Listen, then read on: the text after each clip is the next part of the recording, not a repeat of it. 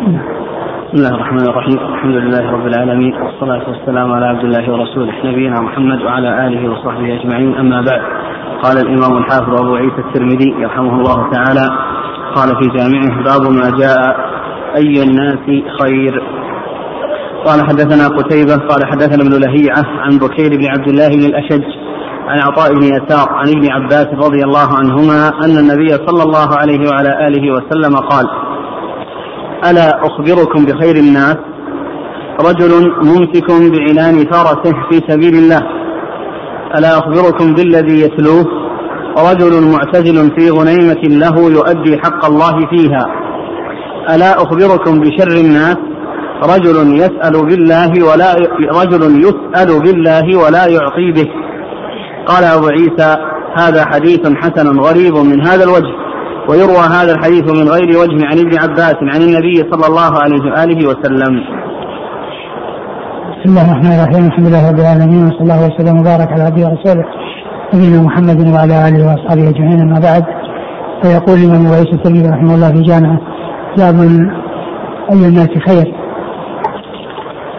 أي بيان تفاضل الناس وأن بعضهم خير من بعض أي أفضل من بعض. وخير هنا بمعنى أفعل تفضيل. حذفت منها الهمزه وكذلك شرع الناس. أفعل تفضيل. حذفا من الهمزه فيقال أخير وأشر. ولكنها كثيرا تأتي بحذف الهمزه فيقال خير ويقال شر. والمقصود من ذلك أن أنه انه يكون من خير الناس.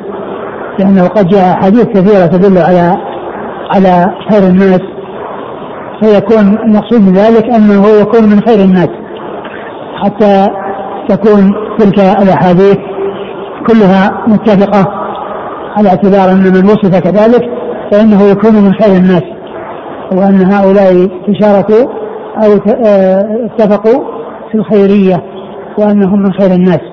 وقد ورد وليس حديث عباس رضي الله تعالى عنهما النبي صلى الله عليه وسلم قال أخبركم بخير الناس رجل ممسك بعنان فرسه في سبيل الله.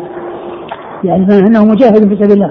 راكب فرسه ممسك بعنانه. يجاهد في سبيل الله. فهذا خير الناس. ثم قال ألا أخبركم بالذي يتلوه رجل في شعب؟ رجل معتزل في غنيمة يؤدي حق الله فيها. رجل معتزل في غنيمة يؤدي حق الله تعالى فيها. يعني معنى ذلك أنه يعني في حال الفتن وعدم البقاء يعني بين الناس وأنه يفر بدينه من الفتن ويكون في غنيمة في فلاة من الأرض يعني يستفيد منها ويؤدي حق الله عز وجل فيها من الزكاة وغير ذلك مما هو مستحب يعني كالمنائح وغير ذلك. فهذان من خير الناس وأحدهما نفعه متعدي وهو الأول والآخر نفعه قاصر بمعنى أنه مقيم ولكنه يكون متعديا من حيث أداء حق الله عز وجل فيما عنده ولكنه في من حيث يعني بقائه وحيث وجوده معتزلا للناس يعبد الله عز وجل ويصلي فإنه نفعه قاصر ولكن التعدي أو النفع المتعدي يكون بأداء حق الله عز وجل في تلك الغنيمة التي معه. ثم قال لا اخبركم بشر الناس رجل يسأل بالله ثم لا يعطي به. يسال يسأل بالله يعني بأن يطلب منه شيء بالله يقول أسألك بالله ويكون يعني هذا السؤال في محله ويكون مضطرا ويكون الذي يسأل عنده القدرة على إجابته. ثم يعني يمتنع من ذلك مع القدرة واضطرار ذلك فإن هذا فيه يعني هذا الوصف الذميم وهو كونه والنبي صلى الله عليه وسلم قال في الحديث من سأل بالله فأعطوه. من سأل بالله فأعطوه. وليس كل شيء يسأل بالله يحقق فقد يكون بعض الناس يسأل في أمور في أمور هو فضولي فيها ويسأل عن أمور لا يصلح أن يجاب فيها. فمثل هذا لا يجاب. ولكن من يكون مضطرا إلى شيء وذلك قادر على يعني إعانته ويعني تحقيق رغبته فهذا هو الذي عليه أن يجيب وأن يحقق رغبته. نعم. قال حدثنا قتيبة. قتيبة بن سعيد ثقة أخرجه أصحاب الكتب الستة. عن ابن لهيعة. وابن لهيعة عبد الله بن لهيعة المصري وهو صدوق احترقت كتبه فاختلط ورواية من روى عنه قبل الاختلاط هي المعتبرة. وقتيبة ممن روى عنه قبل الاختلاط وهو صدوق أخرج حديثه مسلم أبو داود الترمذي بن ماجه. نعم. عن بكير بن عبد الله بن الأشج. بكير بن عبد الله بن الأشج وهو ثقة أخرجه أصحاب الكتب الستة. عن عطاء بن يسار. عطاء بن يسار ثقة أخرج أصحاب الكتب الستة. عن عبد الله بن عباس رضي الله عنهما أحد العباد له الأربعة من الصحابة وأحد المكثرين من حديث رسول الله صلى الله عليه وسلم. قال رحمه الله تعالى باب ما جاء في من سأل الشهادة قال حدثنا محمد بن سهل بن عسكر البغدادي قال حدثنا القاسم بن كثير المصري قال حدثنا عبد الرحمن بن شريح أنه سمع سهل بن أبي أمامة بن سهل بن حنيف يحدث عن أبيه عن جده رضي الله عنه عن النبي صلى الله عليه وآله وسلم أنه قال من سأل الله الشهادة من قلبه صادقا بلغه الله منازل الشهداء وإن مات على فراشه. قال أبو عيسى حديث سهل بن حنيف حديث حسن غريب لا نعرفه إلا من حديث عبد الرحمن بن شريح. وقد رواه عبد الله بن صالح عن عبد الرحمن بن شريح وعبد الرحمن بن شريح يكنى أبا شريح وهو اسكندراني. وفي الباب عن معاذ بن جبل رضي الله عنه. قال حدثنا أحمد بن منيع قال حدثنا روح بن عبادة قال حدثنا ابن جريج عن سليمان بن موسى عن مالك بن يخامر السكسكي. عن معاذ بن جبل رضي الله عنه عن النبي صلى الله عليه وآله وسلم أنه قال: من سأل الله القتل في سبيله صادقا صادقا من قلبه أعطاه الله أجر الشهادة. قال أبو عيسى هذا حديث حسن صحيح. ثم رد أبو عيسى باب من سأل الشهادة. نعم. باب من سأل الشهادة. يعني سأل الله عز وجل أن يرزقه الشهادة وأن يحصل على الشهادة في سبيل الله والشهادة كما هو معلوم هي في حق من شهد المعركة واستشهد.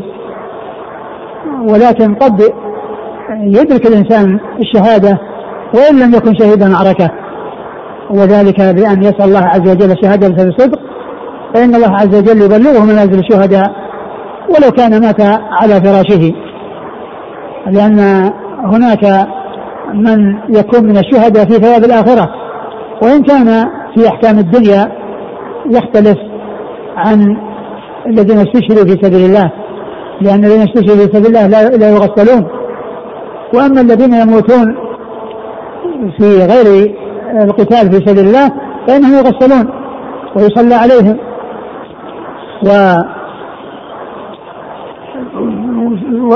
وقد جاء أحاديث تدل على ذكر أناس يكون حكمهم حكم الشهداء في الآخرة. وقد عقد النووي رحمه الله في كتاب رياض الصالحين بابا فقال باب ذكر جماعة من الشهداء في ثواب الآخرة ويغسلون ويصلى عليهم.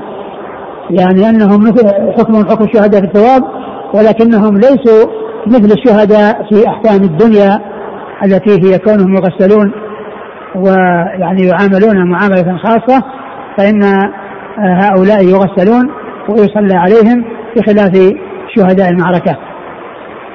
فإنهم لا يغسلون وأما الصلاة عليهم ففيها خلاف وفيها كلام.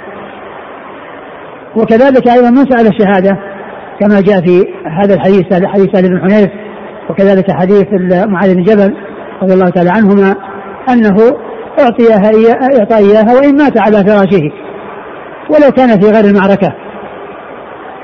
وقد يكون القتل آه، يكون الإنسان يعني في غير المعركه وفي غير الجهاد في سبيل الله ولكنه يقتل ويقال له شهيد مثل ما حصل لعمر وعثمان رضي الله تعالى عنهما فإنهما قتلا وهما شهيدان ولكن ليسوا في المعركه وعمر رضي الله عنه كان سال الله عز وجل أن يرزقه شهادة في سبيله وأن يجعل وفاته في بلد رسوله صلى الله عليه وسلم وقد تحقق ذلك له فإنه آه، نال الشهادة التي أخبر عنها رسول الله صلى الله عليه وسلم بقوله لما كان هو أبو بكر وعمر لما كان النبي صلى الله عليه وسلم ومعه أبو بكر وعمر وعثمان على جبل أحد فتحرك الجبل فقال اسكن أحد فإنما عليك نبي وصديق وشهيدان. ووصفهما رسول الله صلى الله عليه وسلم بأنهما شهيدان وهما لم يكونا في المعركة لم يكونا في المعركة فكذلك أيضا من سأل الله عز وجل الشهادة فإنه يعطى إياها وذلك بنيته وبقصده وصدقه ولهذا جاء في حديث قصة غزوة تبوك أن الذين طلبوا من النبي صلى الله عليه وسلم أن يحملهم وأخبرهم بأنه لا يجد ما يحملهم عليه يعني من الظهر وأنهم بقوا متألمين متأثرين يبكون. قال عليه الصلاة والسلام وهو في طريقه إلى تبوك إن بالمدينة لرجالا ما سرتم مسيرا ولا قطعتم واديا إلا ما إلا كانوا معكم حبسهم العذر. فهؤلاء مجاهدون بنياتهم ومجاهدون بقصدهم وإن لم يتمكنوا بأجسامهم وبأفعالهم لعدم قدرتهم على ذلك. فإن آه، الإنسان قد يحصل الثواب بنيته وبقصده ولكن ذلك لا يعني أن يكون آه، آه، مثل شهيد المعركة يعني وأنه مثله تماما ولكنه مثله بالأجر. ولهذا جاء في هذه هذين الحديثين أن من طلب الشهادة أو سأل الله بصدق فإنه ينالها ولو مات على فراشه. وقد جاء في حديث ضعيف نية المؤمن خير من عمله. نية المؤمن خير من عمله. وهذا غير صحيح. فإن العمل مع النية لا شك أنه هو الأكمل والإنسان الذي ما قدر على العمل ولكنه نوى الخير وأثابه الله عز وجل على ذلك فلا شك أنه مأجور ولكن كون النية خير من العمل هذا غير واضح وغير مستقيم. نعم. قال حدثنا محمد بن سهل بن عسكر البغدادي. هو؟ ثقة له مسلم والترمذي والنسائي. نعم. عن القاسم بن كثير المصري. نعم. صدوق أخرج له الترمذي والنسائي نعم عن عبد الرحمن بن شريح نعم ثقة أخرج أصحاب الكتب نعم عن سهل بن أبي أمامة سهل بن أبي أمامة ثقة اخرجه أصحاب الكتب الستة. مسلم وأصحاب السنة. مسلم وأصحاب السنة عن ابيه نعم. آه أبو أمامة وهو وهي كنية واسمه أسعد أو سعد وهو ثقة وهو له رؤية أخرج له أصحاب الكتب. أصحاب الكتب. عن أبيه سهل بن حنيف رضي الله عنه أخرج له أصحاب الكتب الستة.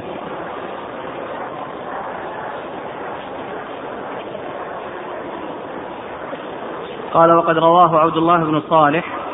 عبد الله بن صالح هو كاتب الليل وهو؟ صدوق كثير الغلط وجه البخاري تعليقا وأبو داود الترمذي وابن ماجه. نعم. قال حدثنا أحمد بن منيع.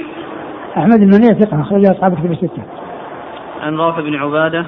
وهو ثقة أخرجه أصحاب الكتب الستة. عن ابن جريج. عبد الملك بن عبد العزيز بن جريج ثقة أخرجه أصحاب الكتب الستة. عن سليمان بن موسى. هو؟ صدوق في حديثه بعض لين أخرج له مسلم في المقدمة وأصحاب السنن. نعم.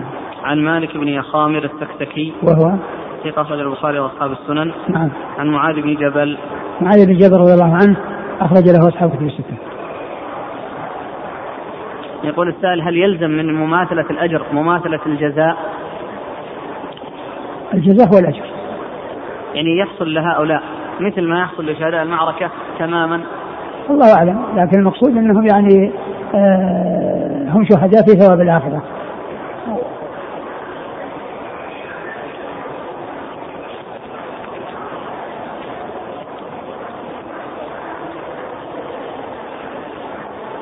قال رحمه الله تعالى باب ما جاء في المجاهد والناكح والمكاتب وعون الله إياهم.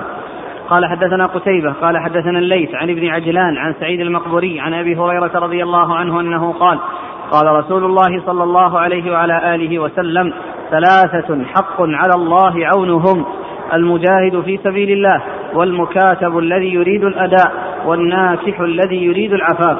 قال أبو عيسى هذا حديث حسن. ثم أبو عيسى هذه باب في المجاهد والمكاتب والناكح وعون الله إياهم.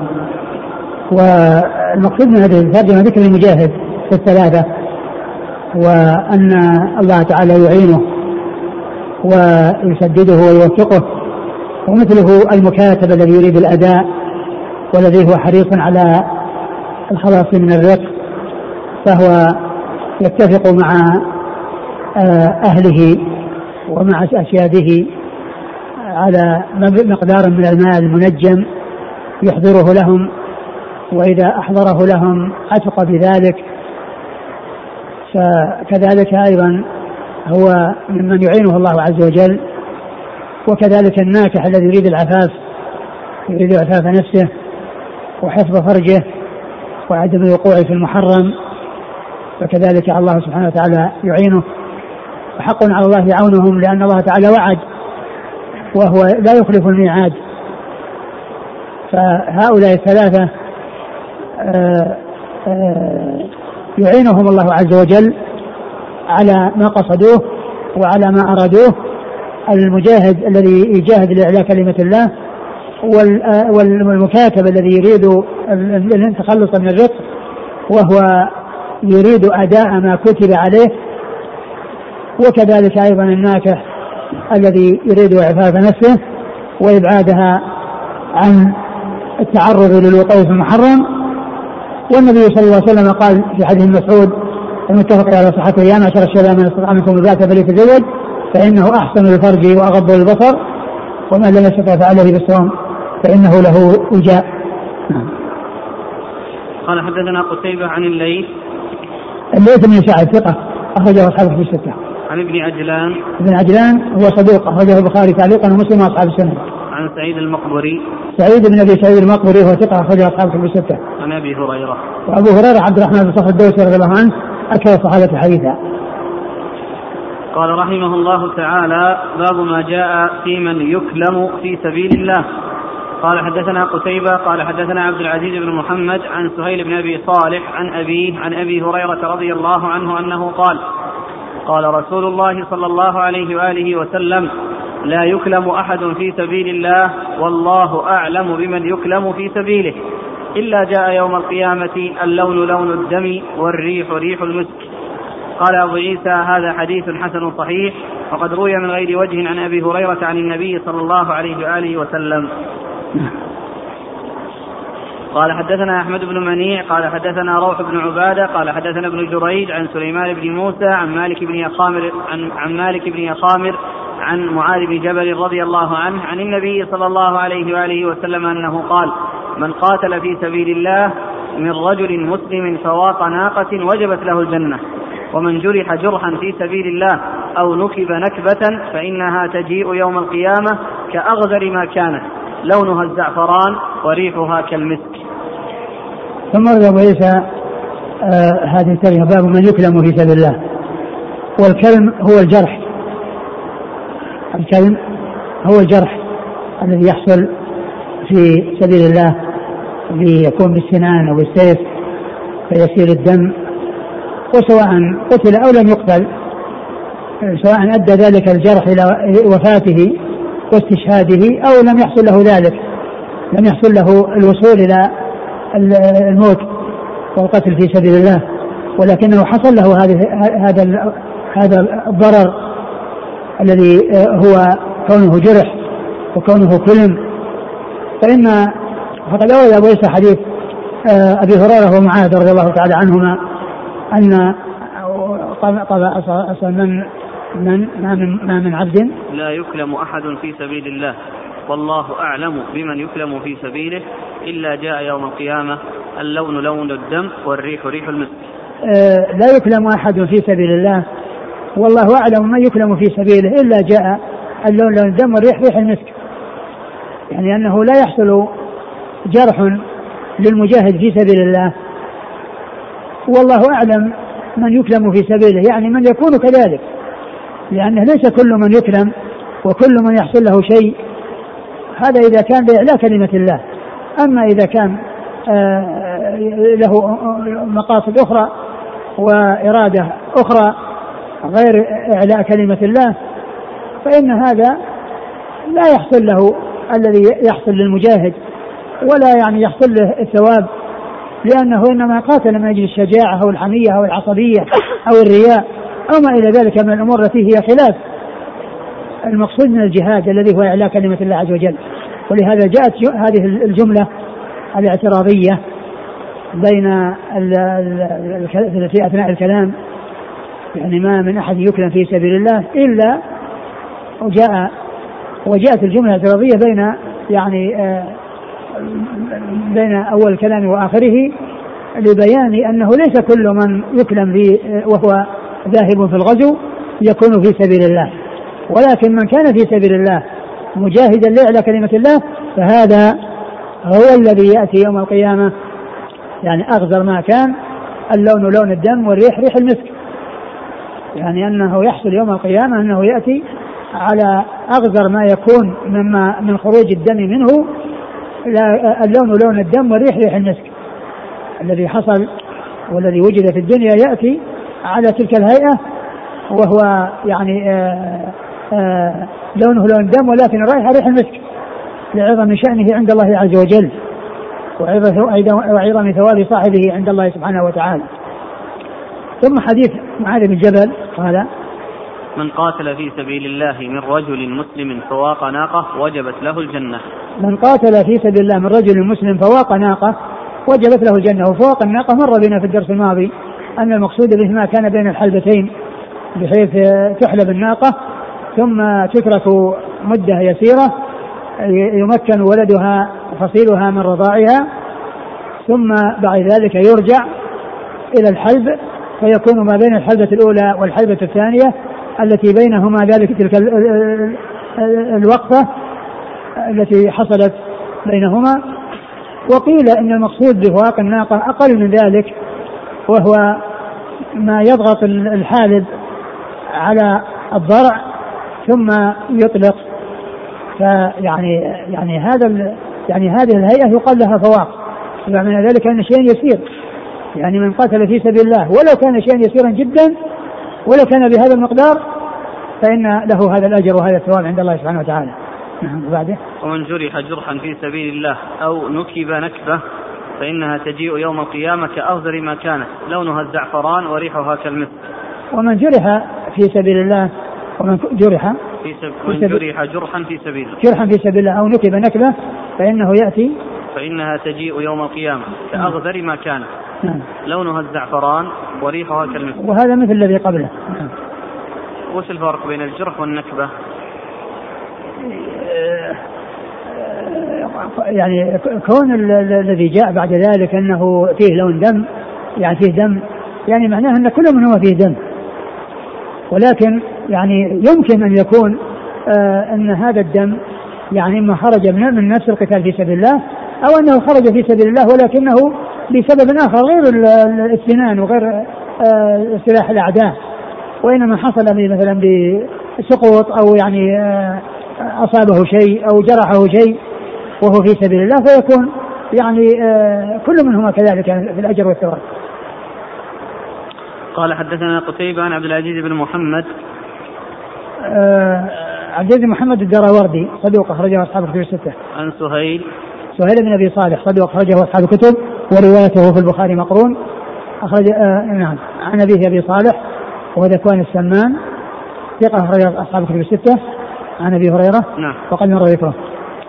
قال رحمه الله تعالى باب ما جاء أي الأعمال أفضل. قال حدثنا أبو كريب قال حدثنا عبدة بن سليمان عن محمد بن عمرو قال حدثنا أبو سلمة عن أبي هريرة رضي الله عنه أنه قال قال باب باب. أي الأعمال أفضل؟ نعم.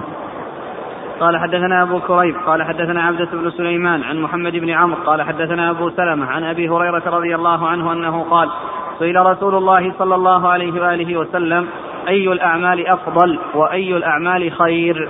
قال إيمان بالله ورسوله. قيل ثم أي قيل ثم أي شيء؟ قال الجهاد سنام العمل. قيل ثم أي شيء؟ يا رسول الله. قال ثم حج مبرور. قال أبو عيسى هذا حديث حسن صحيح. قد روي من غير وجه عن أبي هريرة عن النبي صلى الله عليه وآله وسلم. ثم أبو عيسى أبو عيسى ترجم باب باب أي الناس أي الأعمال أفضل. أي الأعمال أفضل. أي أن الأعمال تتفاضل وتتفاوت. بعضها أفضل من بعض. كما أن الأشخاص يتفاوتون ويكون بعضهم أفضل من بعض فالأعمال كذلك تتفاضل. وقد أورد أبو عيسى حديث ابن مسعود أبي هريرة. حديث أبي هريرة أن النبي صلى الله عليه وسلم سئل أي الأعمال أفضل أو أي الأعمال خير؟ فقال إيمان بالله ورسوله. إيمان بالله ورسوله لأن هذا هو الأساس الذي يبنى عليه كل عمل ويبنى عليه كل خير. فالإيمان بالله عز وجل الذي جمع بين ما يكون بالقلب وما يكون باللسان وما يكون بالجوارح فأتى بما هو مأمور وانتهى عما هو محظور فإن هذا هو خير العمل. قيل ثم أي قال آه الجهاد سنام العمل. نعم. الجهاد سنام العمل. وفي رواية الصحيحين الجهاد في سبيل الله. ثم جهاد في سبيل الله. وقوله سنام العمل يعني ان ان ان, أن الجهاد هو سروة ذروة سنام الجهاد الإسلام كما جاء في حديث معاذ بن جبل في وصية النبي صلى الله عليه وسلم له وقال ألا أخبرك برأس الأمر وعموده وذروة سنامه رأس الأمر الإسلام وعموده الصلاة. وذروة سنامه الجهاد في سبيل الله. فالأعمال الصالحة أعلاها وذروتها هو الجهاد في سبيل الله. وذلك لأنه لا يعدله شيء لأن فيه إخراج الناس من الظلمات إلى النور وهدايتهم إلى الصراط المستقيم. ومن اهتدى على يد إنسان فإن الله تعالى يثيبه ويأجره بمثل ما أثاب هذا المهتدي الذي اهتدى على يديه. من غير أن ينقص أو أن ينقص من أجل المهتدي شيء. بل الذي اهتدى على يديه له أجره والذي آه، دله على الخير وكان سببا في هدايته له مثل أجره. كما قال عليه الصلاة والسلام من دعا إلى هدى كان له من الأجر مثل أجر من تبعه لا ينقص ذلك من أجورهم شيئا. من دعا إلى هدى كان له من الأجر مثل أجور من تبعه لا ينقص ذلك من أجورهم شيئا. قيل ثم أي قال حج مبرور. والحج المبرور هو الذي يأتي به الإنسان مطابقا لسنة الرسول صلى الله عليه وسلم بعيدا من الرفث والفسوق والجدال ومن أي شيء ينقصه وعلامته أن يحرص الإنسان على أدائه طبقا للسنة وأن يكون حال الحاج بعد الحج أحسن مما كان عليه قبل ذلك. وذلك يعني يدل على استفادته من حجه وأنه رجع بحج مبرور لأن حاله تغيرت من الحسن إلى الأحسن أو من السيء إلى الحسن. إن كان على استقامة من قبل فإنه يتحول إلى ما هو أحسن يزداد خيرا ويزداد قربة إلى الله عز وجل. وإن كان على حال سيئة يكون ترك ذلك السوء الذي كان عليه وتحول إلى ما هو خير وإلى ما هو بر وإلى ما هو طاعة لله عز وجل ولرسوله صلى الله عليه وسلم قال حدثنا أبو كريب أبو كريب محمد بن العلاء بن كريب ثقة أخرجه أصحاب الكتب الستة. عن عبده بن سليمان وهو ثقة أخرجه أصحاب الكتب الستة. عن محمد بن عمرو محمد بن عمرو بن وقاص وهو صدوق أخرجه أصحاب الكتب الستة. عن أبي سلمة عن أبي سلمة بن عبد الرحمن بن عوف ثقة أخرجه أصحاب الكتب الستة. عن أبي هريرة. نعم. قال رحمه الله تعالى باب ما ذكر أن أبواب الجنة تحت ظلال السيوف. قال حدثنا قتيبة قال حدثنا جعفر بن سليمان الضبعي عن أبي عمران الجوني عن أبي بكر بن أبي موسى الأشعري قال سمعت أبي رضي الله عنه بحضرة العدو يقول قال رسول الله صلى الله عليه وآله وسلم إن أبواب الجنة تحت ظلال السيوف.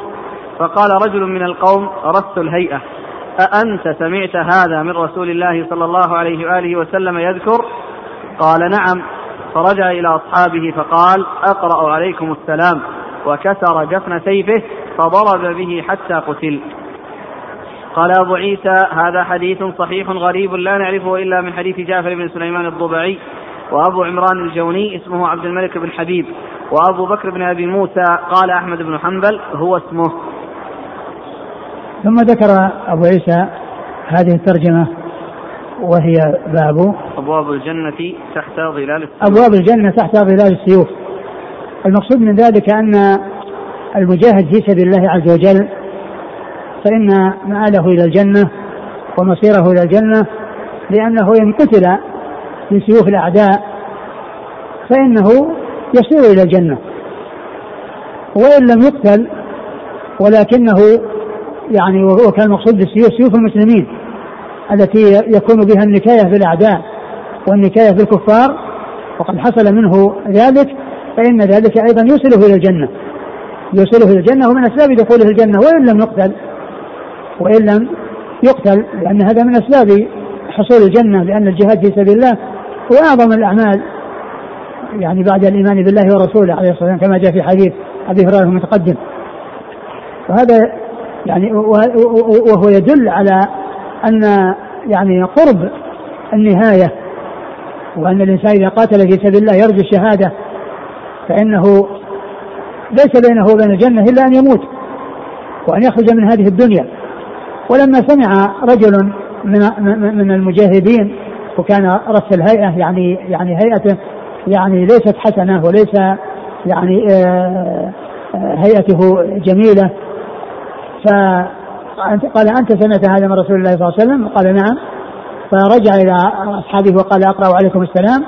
ثم إنه كسر جفن سيفه وذهب يقاتل حتى قتل. كسر جفن سيفه اللي هو الغمد لأنه لا يريد أن يغمده مرة أخرى. يريد يعني أن أن يستمر حتى يقتل وحتى ينال الشهادة. ف وهذا يدل على ما كان عليه أصحاب الرسول صلى الله عليه وسلم من الحرص على الخير وعلى تحصيل الأجر. فأولا أبو موسى رضي الله عنه يحدث بهذا الحديث بحضرة العدو يعني في وقت القتال من أجل أن الناس يستذكرون هذه المعاني ويعني يفقهونها ويعني يبلون بلاء حسنا لأنهم إن قتلوا فهم إلى جنة وإن آه سلموا من القتل فهم على أجر عظيم. كما جاء في صحيح البخاري عن آه في قصة آه آه المغيرة بن شعبة لما ذهب إلى الروم لما ذهب إلى الفرس ويعني سألوه يعني ما أنتم؟ فقال نحن قوم كنا في بلاء شديد وفقر شديد كنا نأكل النوى ونمص الجلد من الجوع ونعبد الحجر والشجر فبعث الله رسولا إلينا من أنفسنا نعرف أباه وأمه فدعانا إلى عبادة الله وحده وحذرنا من عبادة غيره وأمرنا بالجهاد في سبيله وأخبرنا أن أن من مات منا فهو في الجنة وأن من عاش منا ملك رقابكم. فالجنة تحت ظلال السيوف كما أخبر بذلك رسول الله صلى الله عليه وسلم. إن قتل بأسلحة الكفار فقد نال الشهادة وإن أبلى بلاء في سيفه فإنه كذلك يحصل الجنة ويحصل الثواب الذي يوصله إلى الجنة. ثم أيضا من جهة الصحابي الذي لما سمع الحديث يعني آه، كسر جفن آه، سيفه وضرب به حتى قتل لأنه يريد أن يحصل الجنة تحت ظلال السيوف. نعم. قال حدثنا قتيبة عن جعفر بن سليمان الضبعي. هو؟ صدوق. أخرجه البخاري في المفرد ومسلم وأصحاب السنن. نعم. عن أبي عمران الجوني. وهو عبد الملك بن حبيب ثقة أخرجه أصحاب الكتب الستة. عن أبي بكر بن أبي موسى. وهو ثقة أخرجه أصحاب الكتب الستة. عن أبي. عن أبيه أبو موسى الأشعري رضي الله عنه وعبد الله بن قيس أخرج له أصحاب الكتب الستة. قال أبو بكر بن أبي موسى قال أحمد بن حنبل هو اسمه. نعم لأن اسمه كنيته. يعني ليس له اسم غير الكنية. نعم.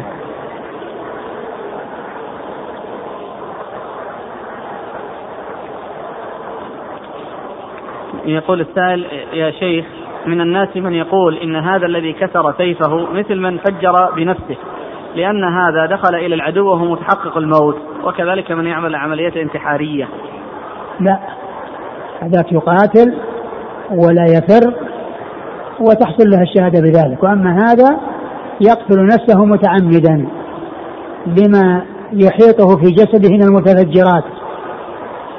فتتفجر فيه وهو أول يعني من آه، آه، يهلك بها أي بهذه المتفجرات. فهذا مثل الذي أخذ سيفه وضرب يعني به نفسه أو وضعه على الأرض وتحامل به على على على ذبابته حتى قتل نفسه. هذا من جنس هذا. وأما ذاك فهو بين الأعداء يقاتل بسيفه ويعني وقد يسلم وقد لا يسلم. لكنه لكونه يعني يريد أن يصبر وأن يستمر وأن لا يفر ثم يقتل ويحصل القتل بذلك فإن هذا لا يقال أنه قاتل نفسه وإنما هذا أبلى بلاء حسنا في الإسلام ويعني أتى ما هو مشروع وأما الذين يفجرون أنفسهم فإنما هؤلاء يسرعون بهم إلى النار يسرعون بأنفسهم إلى النار لأن الرسول صلى الله عليه وسلم أخبر بأن من قتل بنفسه بشيء عذب به وقال من تردى من شاهق وقتل نفسه بذلك فإنه يتردى في نار جهنم خالدا مخلدا فيها أبدا وكذلك أيضا قال من قتل نفسه بسم فهو يتحسى سمه في نار في جهنم وكذلك قال من قتل نفسه بحديدة فهو يجأ بطنه بحديدته في نار جهنم. خالدا مخلدا فيها أبدا ففرق بين من يقتل نفسه وبين من يصبر في الجهاد ويعني يقاتل حتى يقتل فإن هذا قتله أعداؤه ولم يقتل نفسه وأما الذي فجر نفسه فهو الذي قتل نفسه.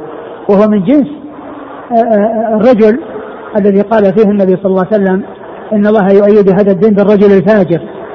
إن الله يؤيد هذا الدين بالرجل الفاجر. وهذاك يعني أيد الله تعالى به الدين وابلى بلاء عظيما ولكنه لكونه جزع ولم يصبر لما أصابته الجراحة فوضع أصل سيفه على الأرض وذبابته على صدره وتحمل عليه فقتل نفسه. وقد حصل منه بلاء حسن وحصل له جهاد في سبيل الله. فالذي فجر نفسه من جنس هذا؟ الذي قال فيه النبي صلى الله يعيد هذا الدين بالرجل الفاجر. وهؤلاء الذين فجروا أنفسهم قد يكون الأمر يعني يعود بالضرر أكثر على المسلمين وذلك بأنه يحصل بسبب تفجير نفسه آه، أن يعتدى على المسلمين وأن يؤذوا وأن يلال منهم وأن يحصل لهم بسبب ذلك آه، أمور كثيرة من الاخطار والاضرار نعم. قال رحمه الله تعالى باب ما جاء أي الناس أفضل. قال حدثنا أبو عمار قال حدثنا الوليد بن مسلم عن الأوزاعي قال حدثنا الزهري عن عطاء بن يزيد الليثي عن أبي سعيد الخدري رضي الله عنه أنه قال سئل رسول الله صلى الله عليه وآله وسلم أي الناس أفضل؟ قال رجل يجاهد في سبيل الله. قالوا ثم من؟ قال ثم مؤمن في شعب من الشعاب يتقي ربه ويدع الناس من شره. قال أبو عيسى هذا حديث صحيح. ثم روي عيسى أي الناس أفضل؟ ورد في حديث أبي سعيد وهو مثل الحديث المتقدم الذي يعني الذي يجاهد في سبيل الله ويعني ممسك بعنان فرسه في سبيل الله ويعني وبعده الذي كان في آه آه في شعب معه غنيمة يعني يؤدي حق الله تعالى فيها ويعتزل الناس. فهذا من جنس ذاك يعني المجاهد في سبيل الله الذي هو يعني أعظم الأعمال والذي نفعه متعدي ثم الذي يعتزل الفتن ويكون في شعب من الشعاب والشعب هو الذي يكون بين الجبلين. وليس المقصود منه يعني خصوص المعنى بل المقصود منه أن يكون في فلاة من الأرض معتزلا الناس وسواء كان في سهل أو وعر ولكن ذكر الجبل لأن فيه آه، غالبا الخفاء والاختفاء بخلاف العراء والأماكن الواضحة ولكن من حيث الاعتزال والابتعاد عن الفتن فإن كل ذلك سواء سواء كان في شعب من الشعاب بين الجبال أو كان في فلاة من الأرض نعم. قال حدثنا أبو عمار. أبو عمار الحسين بن حريث ثقة أخرجه أصحاب في الستة إلا ابن ماجه. عن الوليد بن مسلم. هو ثقة أخرجه أصحاب كتب الستة. عن الأوزاعي. الأوزاعي عبد الرحمن بن عمرو الأوزاعي.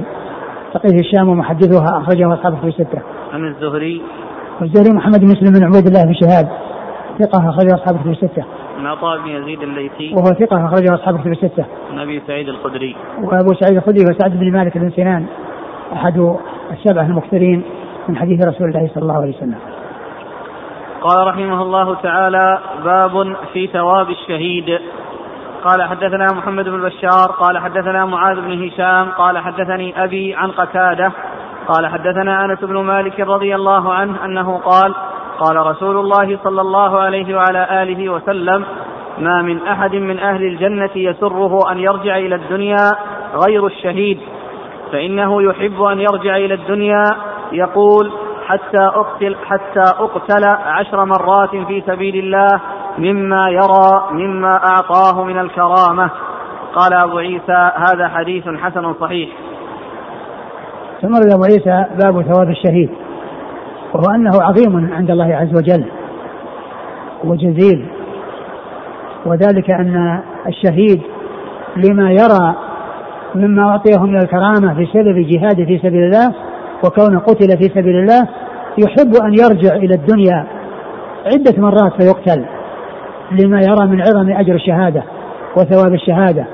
وقال ما من أحد يعني يدخل الجنة ويحب أن يرجع إلى الدنيا إلا الشهيد فإنه لما يرى من ثواب الشهادة وعظم الأجر الذي يكون الشهادة يحب أن يرجع إلى الدنيا عشر مرات بأن يعود فيقتل ثم يعود ثم يقتل ثم يعود فيقتل وذلك لما يرى من عظم آه، أجر الشهادة وثوابها عند الله سبحانه وتعالى قال حدثنا محمد بن بشار هو الملقب بن دار وهو ثقة أخرجه أصحاب الكتب الستة. عن معاذ بن هشام معاذ بن هشام صدوق أخرجه أصحاب الكتب الستة. عن أبيه أبو هشام الدستوائي ثقة أخرج أصحاب أصحاب الكتب الستة. عن قتادة قتادة بن دعامة السدوسي البصري ثقة أخرج أصحاب الكتب الستة. عن أنس عن أنس رضي الله عنه خادم الرسول صلى الله عليه وسلم وأحد السبع المكثرين من حديثه. قال حدثنا محمد بن بشار قال حدثنا محمد بن جعفر قال حدثنا شعبة عن قتادة عن أنس رضي الله عنه عن النبي صلى الله عليه وآله وسلم نحوه بمعناه قال أبو عيسى هذا حديث حسن صحيح. ثم ذكر الطريقة الثانية ولم يسق اللفظ ولكن قال نحوه بمعناه. والإسناد محمد بن بشار. عن محمد بن جعفر. محمد بن جعفر وملقب غندر وهو ثقة أخرجه أصحاب الكتب الستة. عن شعبة وشعبة بن الحجاج الواسطي ثم البصري وثقة أخرجه أصحاب الكتب الستة. عن قتادة عن أنس. نعم.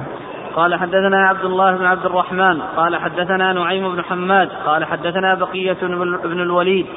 عن بحير بن سعد عن خالد بن معدان عن المقدام بن معد كرب رضي الله عنه أنه قال قال رسول الله صلى الله عليه وآله وسلم للشهيد عند الله ست خصال يغفر له في أول دفعة. ويرى مقعده من الجنة ويجار من عذاب القبر ويأمن من الفزع الأكبر ويوضع على رأسه تاج الوقار الياقوتة منها خير من الدنيا وما فيها وج اثنتين وسبعين زوجة, زوجة من الحور العين ويشفع في سبعين من أقاربه. قال أبو عيسى هذا حديث حسن صحيح غريب. ثم ذكر أيضا من ثواب الشهيد يعني ما جاء في هذا الحديث عن النبي صلى الله عليه وسلم أنه يعني آه، يحصل له هذه الأمور وهي الأولى. الأولى قال يغفر له في أول دفعة. يغفر له في أول دفعة أو في أول دفعة يعني من دم يخرج منه من حين ما يخرج الدم منه عند قتله في سبيل الله فإنه يغفر له وتحط ذنوبه ويعني تزال يعني خطاياه. ففي أول قطرة من الدم فإنه يحصل له تكثير ذنوبه بهذا العمل أو بهذا الذي حصل له في سبيل الله وهو كونه جرح وقتل في سبيل الله فأول دفعة أو دفعة من من دمه تخرج من جسمه فإنه يكون قد غفر له. نعم. ويرى مقعده من الجنة. ويرى مقعده من الجنة يعني المكان الذي أعد الله الجنة يراه من حين ما يقتل من حين ما يقتل يريه الله عز وجل. المكان الذي هيأ له في الجنة. ويجار من عذاب القبر. ويجار من عذاب القبر أيضا يسلم من عذاب القبر. ويأمن من الفزع الأكبر. ويأمن من الفزع الأكبر يعني الخوف يعني الشديد الذي يحصل للناس يعني في المواقف يعني في يعني في مواقف القيامة وعرصات القيامة. نعم. ويوضع على رأسه تاج الوقار. ويوضع على رأسه تاج الوقار. فالياقوتة منها خير من الدنيا وما فيها. يعني آه، يكون علامة عليه على رأسه ذلك التاج الذي هو مكون من, من, من, من ياقوت. والياقوتة منه يعني من ذلك التاج الذي هي جزء منه خير من الدنيا وما فيها. نعم. ويزوج 72 زوجة من ويزوج هذا العدد الكبير من الحور العين. وذكر الاثنين أو الاثنتين مع السبعين يدل على أن العدد مقصود وأنه ليس المقصود التكثير لأنه أحيانا إذا جاء ذكر السبعين فإنه قد يراد به الكثرة أو التكثير لكن لما جاء ذكر الاثنتين مع السبعين دل على أن العدد أنه مقصود وأنه ليس المقصود التكثير نعم. ويشفع في سبعين من أقاربه ويشفع في سبعين يعني معناه تقبل شفاعته فيهم تقبل شفاعته فيهم فيكون استفاد وأفاد بهذا العمل الذي حصل له فإنه انتفع بنفسه وكان من ثوابه أن أن وفق لأن ينفع غيره بأن يشفع في سبعين من أهله بالسلامة من النار أو بالخروج من النار. ست خصال ويكمل عدد الآن. يغفر له في أول دفعة يرى مقعده من الجنة يجار من عذاب القبر يأمن من فزع الأكبر يوضع على رأسه تاج الوقار يزوج 72 يشفع في 70 من أهله. كم؟ سبعة. سبعة. يعني في زيادة واحدة. يعني بعض العلماء يعني ذهب يعني يجعل يعني الشيئين المتشابهين شيء واحد. يجعل الشيئين المتشابهين أو المتقاربين يعني آه، شيء واحد وهو يعني بأن يكون مثلا آه، في أول دفعة يحصل له كذا ويرى يعني آه، مقعده من الجنة. من أول دفعة يحصل له شيئان أن تغفر ذنوبه وتحط خطاياه ويحصل له يعني ذلك الشيء في أول فترة من دمه وأول دفعة تكون من دمه. نعم. ممكن تكون يعني الست الآن العدد لا مفهوم له ولا له مفهوم. يعني ممكن تكون له خصال أكثر من هذه؟ يمكن إيش؟ تكون له خصال أكثر من هذه السبع أو نعم يمكن. ولكن ولكن التنصيص على العدد وذكر المعدود وراءه يعني فإن العدد يعني يكون مطابقا للمعدود. ولكن كون كونه يكون له يعني ثواب آخر يعني غير ذلك نعم يمكن.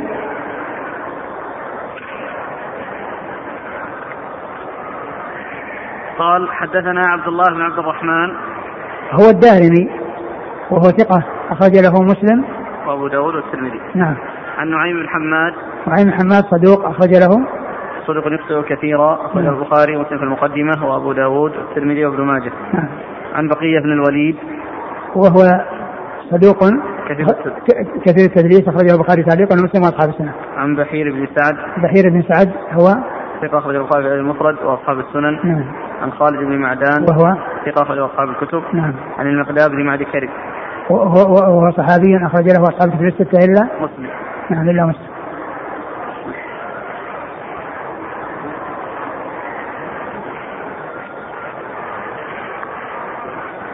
الشرح يقول قال القاري وينبغي أن يحمل قوله يرى مقعده على أنه عطف تفسير لقوله يغفر له لئلا تزيد الخصال على ست نعم.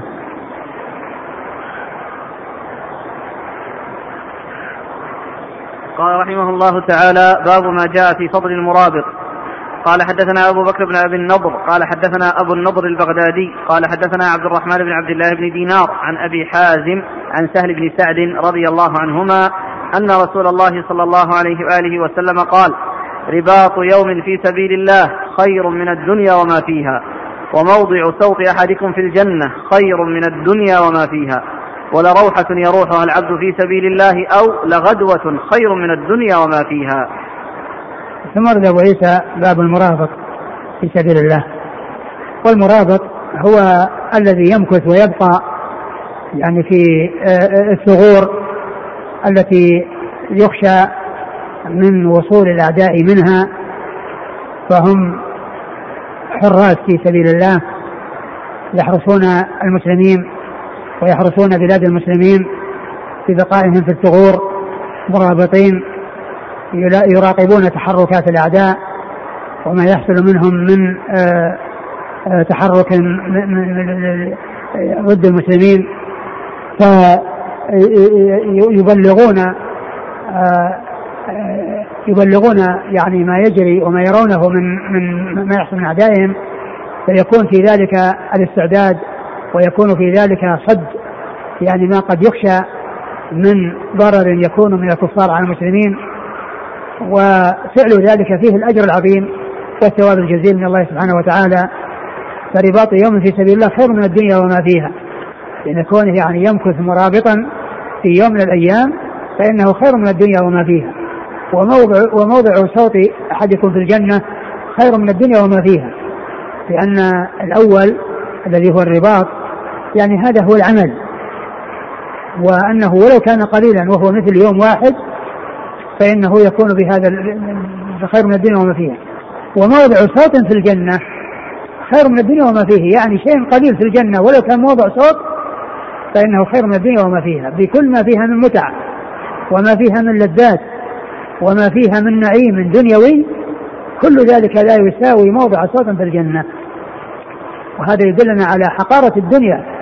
وضآلتها وأنها ليست بشيء عند الآخرة. ولهذا جاء في الحديث لو كانت الدنيا تزن عند الله جناح بعوضة ما سقى منها كافر شربة ماء. و فإذا آه، الجملة الأولى تتعلق بالعمل وهو الرباط والثانية تتعلق بالجزاء. وأن الشيء القليل في الجنة مما يحصل للمجاهد في سبيل الله والمرابط في سبيل الله أنه خير من الدنيا وما فيها. نعم. و... ولروحة يروحها العبد في سبيل الله أو لغدوة خير من الدنيا وما فيها ولروحة أو غدوة في سبيل الله يروحها الإنسان أو يغدوها وذلك بأن يعني يخرج في أول النهار وهي الغدوة أو يخرج في آخر النهار وهي الروحة فإن ذلك العمل الذي هو الغدوة أو الروحة خير من الدنيا وما فيها. قال حدثنا أبو بكر بن أبي النضر. هو؟ الثقة أخرجه مسلم والترمذي والنسائي. نعم. عن أبي النضر البغدادي. وهو ثقة أخرج أصحاب الكتب. نعم. عبد الرحمن بن عبد الله بن دينار. وهو صدوق يخطئ رجل البخاري وأبو داود والترمذي نعم. والنسائي. نعم. عن أبي حازم. أبو حازم هو سلمة من دينار وهو ثقة أخرجه أصحاب الكتب الستة. عن سهل بن عن سهل بن سعد الساعدي رضي الله عنه اخرج له أصحاب الكتب الستة.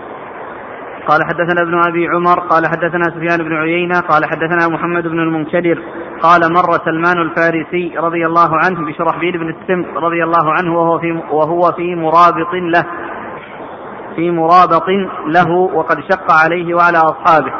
قال ألا أحدثك يا ابن السمط بحديث سمعته من رسول الله صلى الله عليه وآله وسلم؟ قال بلى. قال سمعت رسول الله صلى الله عليه وآله وسلم يقول رباط يوم في سبيل الله أفضل وربما قال خير من صيام شهر وقيامه. ومن مات فيه وقي فتنة القبر ونمي له عمله إلى يوم القيامة. قال أبو عيسى هذا حديث حسن.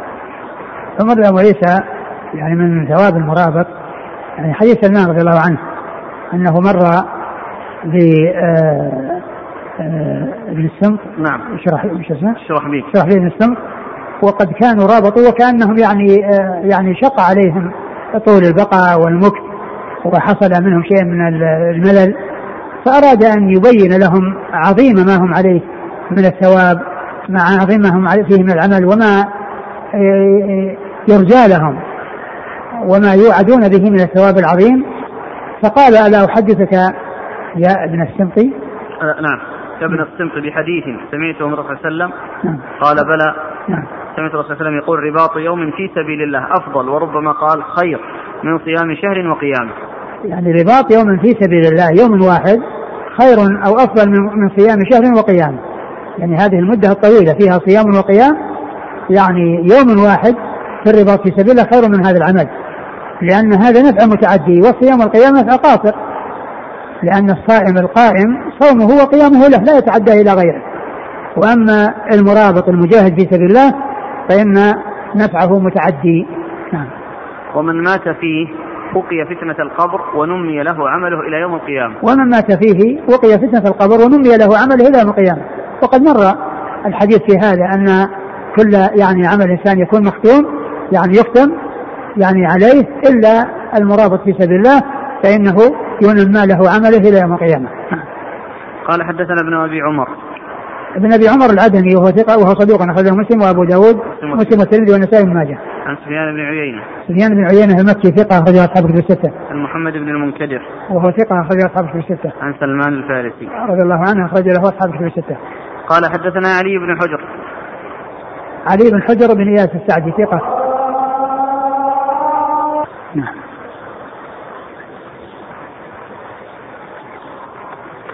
قال حدثنا علي بن حجر قال حدثنا الوليد بن مسلم عن إسماعيل بن رافع عن سمي عن أبي صالح عن أبي هريرة رضي الله عنه أنه قال قال رسول الله صلى الله عليه وآله وسلم من لقي الله بغير أثر من جهاد لقي الله وفيه ثلمه قال أبو عيسى هذا حديث غريب من حديث الوليد بن مسلم عن إسماعيل بن رافع وإسماعيل بن رافع قد ضعفه بعض أصحاب الحديث.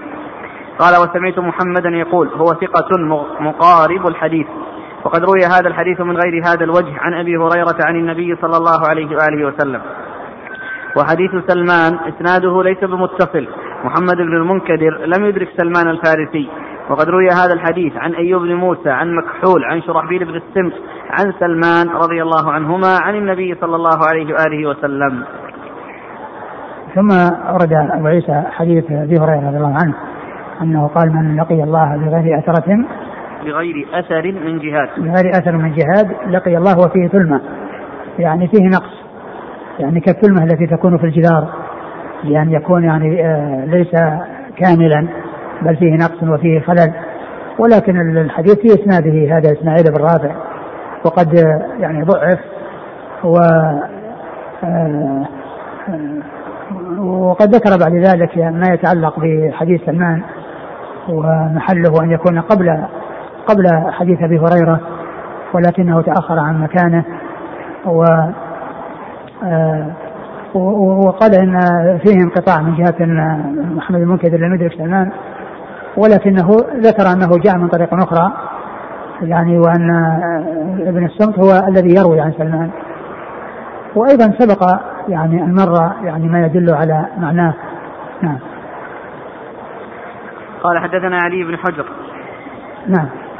نرى ذكره عن الوليد بن مسلم عن إسماعيل بن رافع. إسماعيل بن رافع ضعيف ضعيف الحفظ. سنن البخاري في المفرد والترمذي وابن ماجه. نعم. عن سمي. سمي هو ثقة أخرج أصحاب الكتب. نعم. عن أبي صالح عن أبي هريرة. نعم. مر ذكره هنا الطريق الثاني. قال وقد روي هذا الحديث عن أيوب بن موسى. أيوب موسى هو ثقة أخرج أصحاب الكتب. عن نعم. مكحول. مكحول هو الشامي وهو ثقة أخرجه البخاري في جزء القراءة ومسلم وأصحاب السنة. عن شرحبيل بن السمت. وهو؟ صحابي أخرجه مسلم وأصحاب السنة. نعم. عن سلمان. نعم. قال حدثنا الحسن بن علي الخلال. قال حدثنا هشام بن عبد الملك. قال حدثنا الليث بن سعد. قال حدثني أبو عقيل زفرة بن معبد عن أبي صالح مولى عثمان. قال سمعت عثمان رضي الله عنه وهو على المنبر يقول إني كتمتكم حديثا سمعته من رسول الله صلى الله عليه وآله وسلم كراهية تفرقكم عني ثم بدا لي أن أحدثكموه ليختار امرؤ لنفسه ما بدا له. سمعت رسول الله صلى الله عليه وسلم يقول رباط يوم في سبيل الله خير من ألف يوم فيما سواه من المنازل. قال أبو عيسى هذا حديث حسن صحيح غريب. وقال محمد بن إسماعيل أبو صالح مولى عثمان اسمه بركان. بركان. بركان بالتاء آه ثم ورد أبو عيسى حديث أبي هريرة. حديث عثمان. حديث عثمان بن عفان رضي الله تعالى عنه أنه قال كنت كتمتكم حديثا يعني ما أبديته لكم آه، خشية أن تتفرقوا عني يعني أنكم تتركون البقاء معه ولا تكونون معه بحيث أنكم لهذا الثواب ولهذا الفضل آه، تخرجون من المدينة وتفضلون أن تكونوا في الرباط في سبيل الله. وقد بدا لي أن آه، أحدثكم به ليرى كل ما ظهر له وما بدا له. يعني يأخذ الشيء الذي يريده. إن أراد أن يبقى بقي في المدينة وإن أراد أن يخرج للرباط في سبيل الله فليفعل. ويعني وهذا يبين قال قال عليه الصلاة والسلام رباط يوم في سبيل الله خير من ألف يوم فيما سواه من المنازل. يعني رباط يوم في سبيل الله خير من ألف يوم فيما سواه من المنازل لأن الأعمال الأخرى التي هي غير رباط التي هي غير الرباط وهذا يدل على عظم شأن الرباط في سبيل الله وأن شأنه عظيم وأنه يفوق غيره من الأعمال الأخرى يعني بهذا المقدار. الذي جاء في هذا الحديث عن رسول الله صلى الله عليه وسلم. قال حدثنا الحسن بن علي الخلال هو الحلواني وهو ثقة أخرج أصحاب في الستة إلا النسائي. عن هشام بن عبد الملك هشام بن عبد الملك هو الطيالسي وهو ثقة أخرج أصحاب في الستة. عن الليث بن سعد عن أبي عقيل زهرة بن معبد. أبو عقيل زهرة بن معبد هو ثقة أخرج البخاري وأصحاب السنن. هو ثقة أخرج البخاري وأصحاب السنن. عن أبي صالح مولى عثمان. أه وهو مقبول أخرج الترمذي والنسائي. نعم. عن عثمان. نعم. عثمان أمير المؤمنين وثالث الخلفاء الراشدين الحديث المدين صاحب المناقب الجمة والفضائل الكثيرة أخرج وحديثه عند أصحاب الكتب الستة.